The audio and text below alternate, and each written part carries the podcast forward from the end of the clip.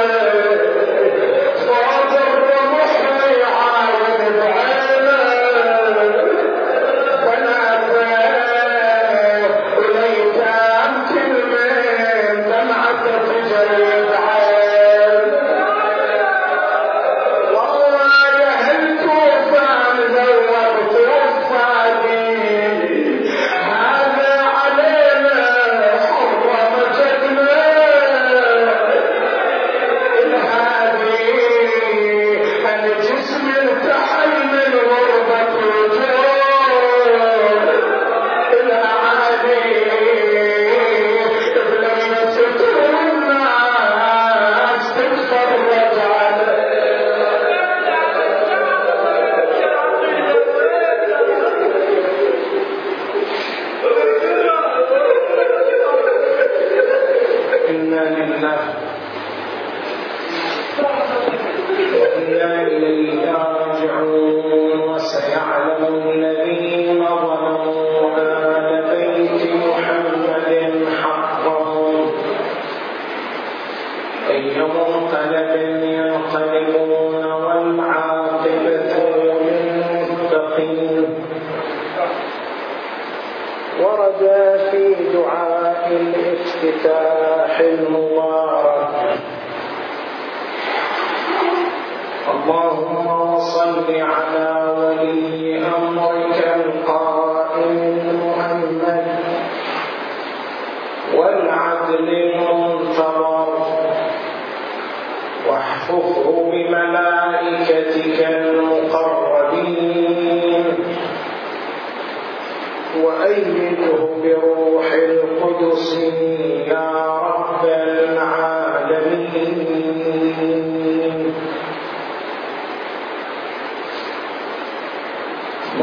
الكلام من خلال هذا المقطع المبارك حول العلاقة بين شهر رمضان وصاحب العصر والزمان. أرواحنا لتراب مقدمه الفداء. وذكرنا بأن فهم العلاقة بين الشهر الكريم والصراط المستقيم عليه السلام يتوقف على مقدمات ثلاث مر الكلام حول مقدمتين. وكانت المقدمة الأولى عبارة عن أن شهر رمضان هو شهر الفيض الإلهي.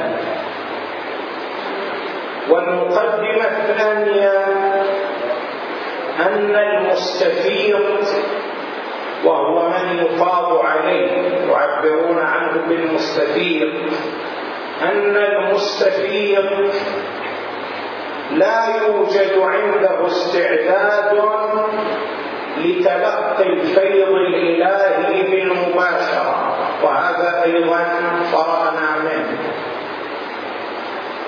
بعد هاتين المقدمتين. نقول إذا كان الفيض الإلهي لا ينقطع لحظة من اللحظات لأنه ينطلق من ساحة سخاء الله وكرمه سبحانه وتعالى فلا حد له ولا انقطاع وفي الوقت نفسه لا يمكن للمستفيض يعني للموجودات أن تتلقى الفيض الإلهي بشكل مباشر. إذا فكيف يمكن إيصال الفيض إلى المستفيد كيف يمكن للمبدأ الفياض سبحانه وتعالى أن يوصل فيضه إلى المستفيد هنا يوجد عندنا تصوران. التصور الأول ما يطرحه الفلاسفة الشامخون وعلماء مدرسة أهل البيت عليهم السلام من أن الله سبحانه وتعالى يوصل فيضه إلى المستفيض عن طريق الواسطة في الفيض فلا بد أن تكون هنالك واسطة بين الله وبين خلقه ومن خلال هذه الواسطة يحصل الفيض للمستفيد هذا تصور التصور الثاني الذي يطرحه بعضهم هو أن الله تعالى يوصل الفيض إلى المستفيد بمقدار استعداد كل مستفيض من غير حاجة إلى الواسطة في الفيض يعني أن الله سبحانه وتعالى بما أنه يعلم بمقدار استعداده ويعلم بمقدار استعداده يعلم بمقدار استعداد السماوات يعلم بمقدار استعداد الأراضين فيفيض على كل بمقدار استعداده ويفيض على كل بمقدار قابليته من غير حاجة إلى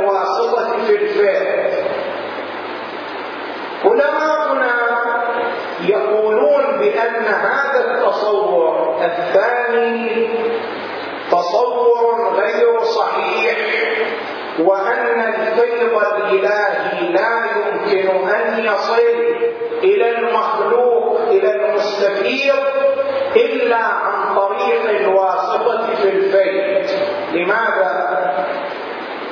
لوجهين الوجه الأول ما يعبرون عنه بقاعدة السنخيه بين العلة والمعلول شنو معنى قاعدة السنخيه بين العلة والمعلول الفلاسفة الشامخون يقولون عندما يصدر شيء من شيء ويكون شيء علة لشيء آخر فلا بد أن تكون بينهما مناسبة ومسامحة وأما المباين بتمام المباينة لا يمكن أن يصدر من مباينة.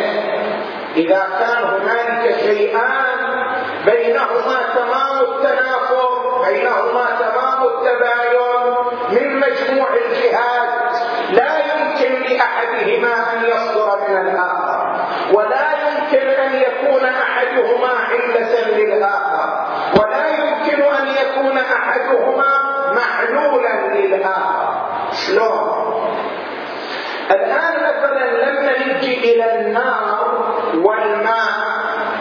النار والماء موجودان متنافران موجودان متباينان فلا يمكن ان تكون النار عله لوجود الماء كما لا يمكن ان يكون الماء عله لوجود النار محال ان توجد النار مع الماء معا هذا محال لا يمكن ان تصدر النار عن الماء ولا الماء يصدر عن النار لأن بينهما تمام التناقض لك مثال آخر اوضح النور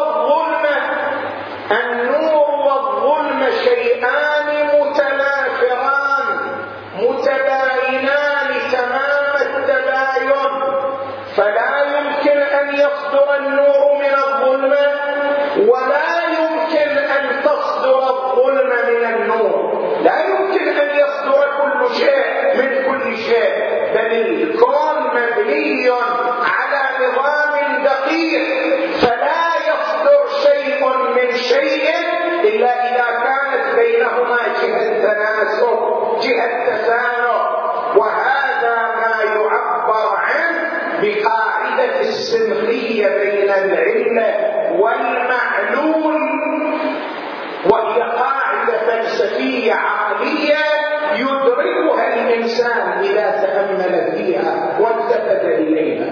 إذا لا يمكن أن يكون المباين علة لمباينة ولا يمكن أن يرتبط به لأنه ليست بينهما مناسبة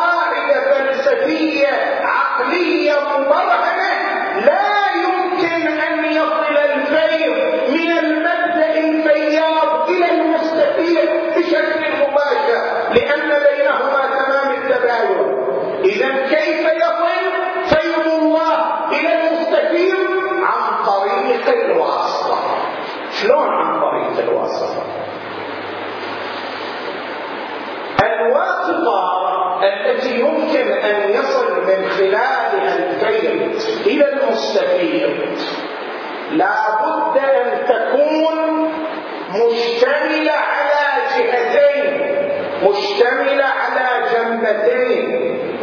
الجنبة الأولى جنبة ملكوتية نورية والجنبة الثانية جنبة بشرية ملكية.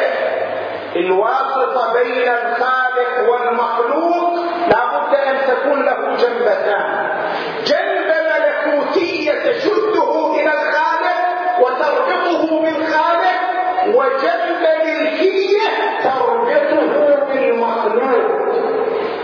الرواية الواردة عن الإمام الصادق عليه السلام. سمعت مقطعا من الرواية ليلة البارحة لما دخل عليه الزنديق وسأله من أين أثبت الأنبياء والرسل؟ ماذا أجابه الإمام؟ قال إنا لما أثبتنا أن لنا خالقا صانعا متعاليا عن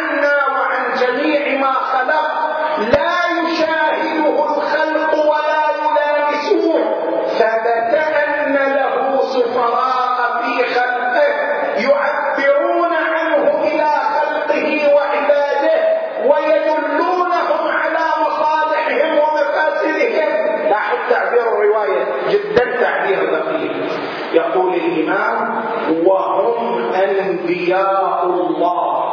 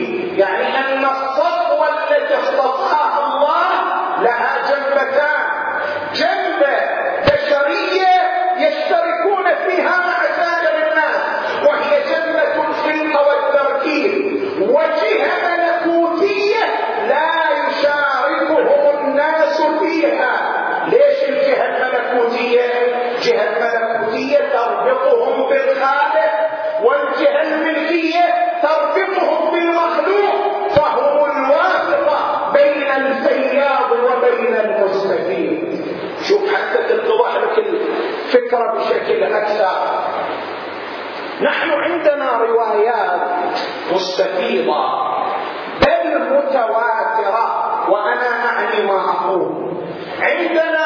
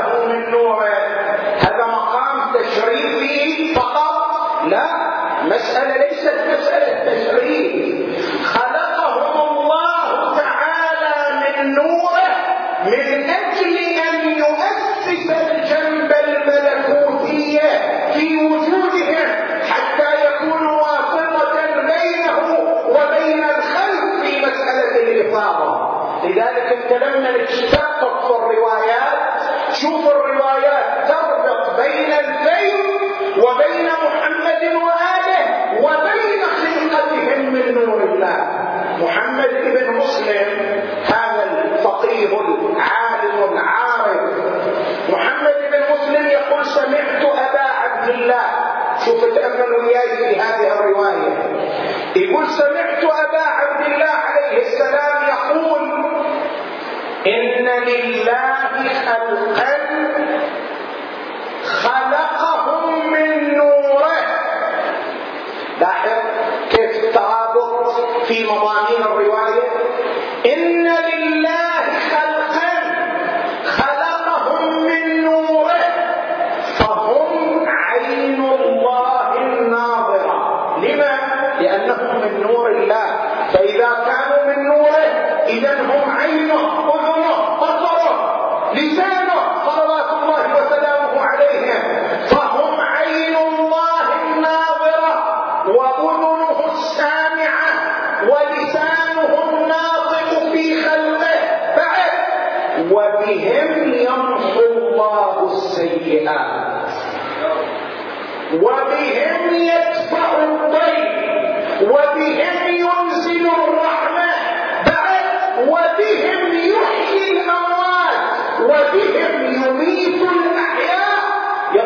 محمد بن مسلم قلت يا ابن رسول الله ومن هؤلاء؟ قال أوصياء محمد.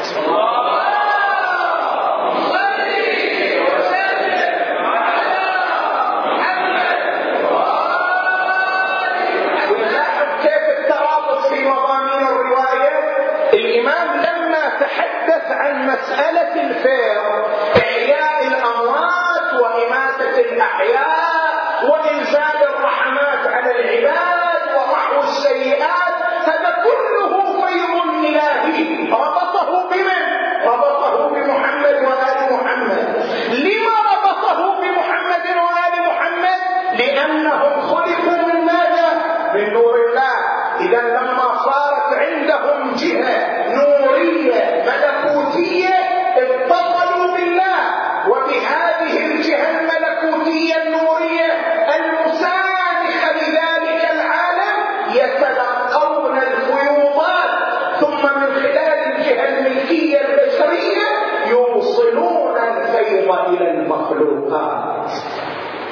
لذلك النبي الأعظم صلى الله عليه وآله يعبر مرارا وتكرارا عن الصديقة الطاهرة الزهراء يعبر عنها بالحوراء الإنسية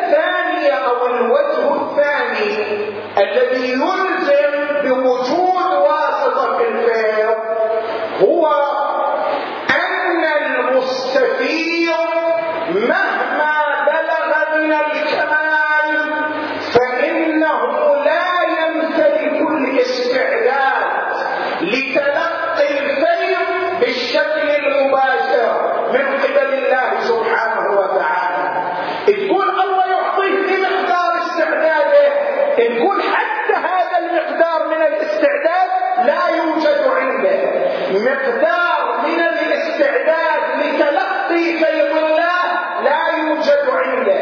لماذا؟ لأن المستفيض ينتمي إلى عالم النقص. بل هذا هو أدنى عوالم النقص. وفهذا عالم الماديات مو فقط عالم النقص.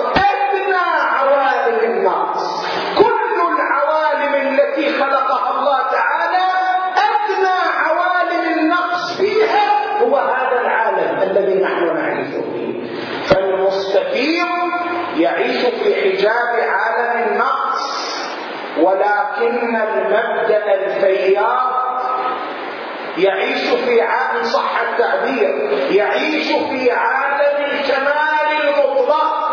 الفيض الإلهي كمال مطلق. والإنسان ماذا؟ نقص مطلق.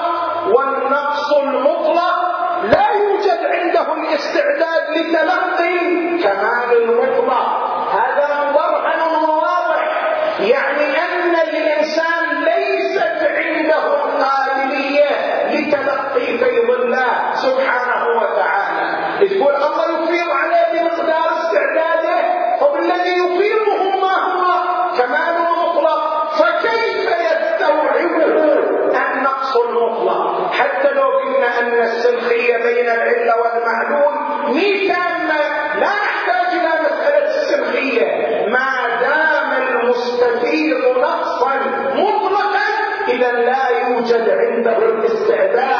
لتلقي الكمال المطلق فالقابلية عنده غير موجودة.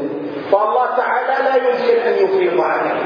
وهذا لا لعجز في الفاعل. وإنما لنقص في القابل. القابل ما عنده استعداد. تماما مثل مسألة البيضة وجعل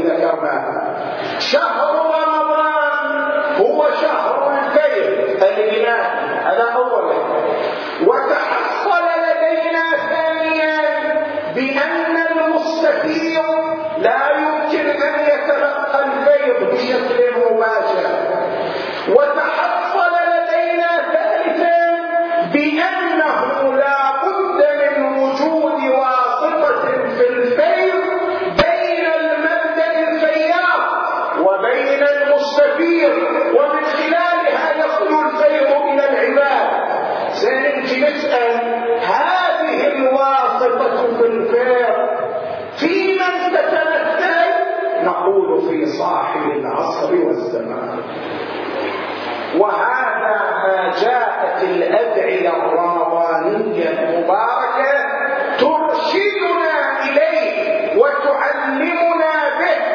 إنسان الآن تقرأ في دعاء الافتتاح تقرأ دعاء الافتتاح كل ليلة. شنو تقرأ في دعاء الافتتاح؟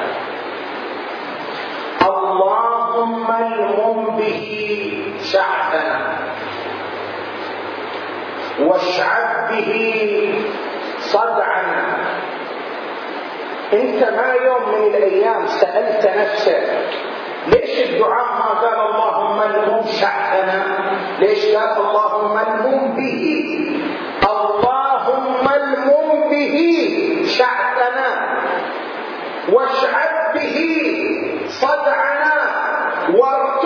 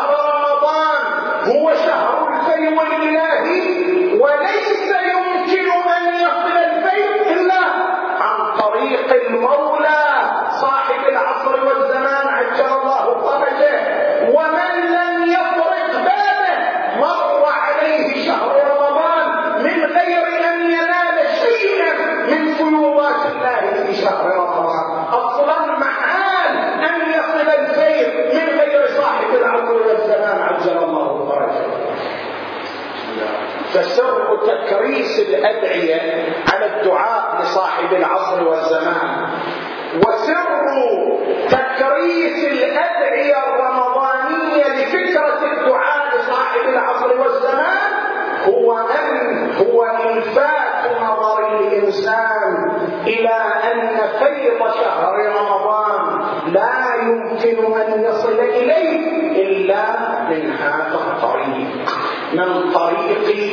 صاحب العصر عجل الله فرجه الشريف إذا كنت تقرأ في دعاء مدبر أين راه الله؟ الذي منه يؤتى. لا يوجد هنالك طريقان. طريق واحد. الطريق الموصل إلى الله وإلى فيض الله وإلى عطاء الله صاحب الزمان أين باب الله؟ الذي منه يؤتى ثم يترقى الدعاء. أين وجه الله؟ الذي يتوجه إليه الأولياء. الأولياء العارفون قبلتهم صاحب العصر والسلام. يتوجهون إليه في قضاء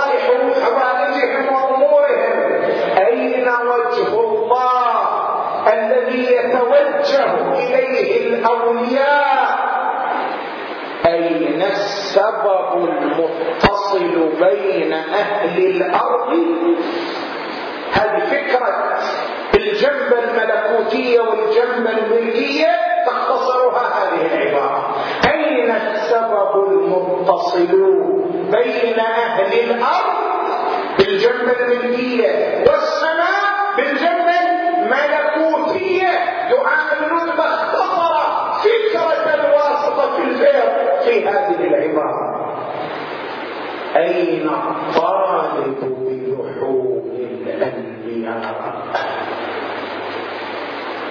وأولاد الأنبياء بعد أين الطالب بدم المقتول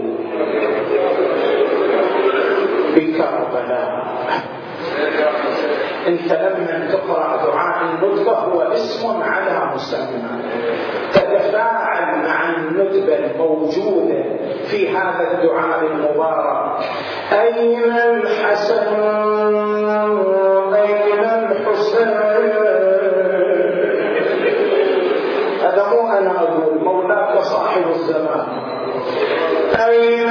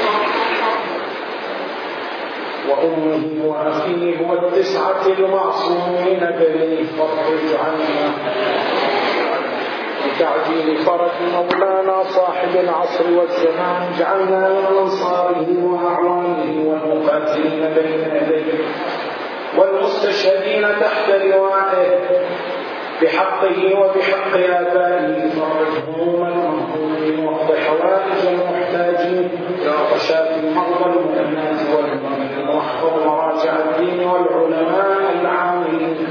اجعلنا في هذا الشهر الشريف من عتقائك من جهنم وخلقائك من النار سعداء الفجر. بمغفرتك ورحمتك ورضوانك يا كريم. وإلى موت العلماء الأعلام موت المؤسسين والحاضرين والمؤمنين والمؤمنات يهدي من جميع ثواب الفاتحة. تسبقها الصلوات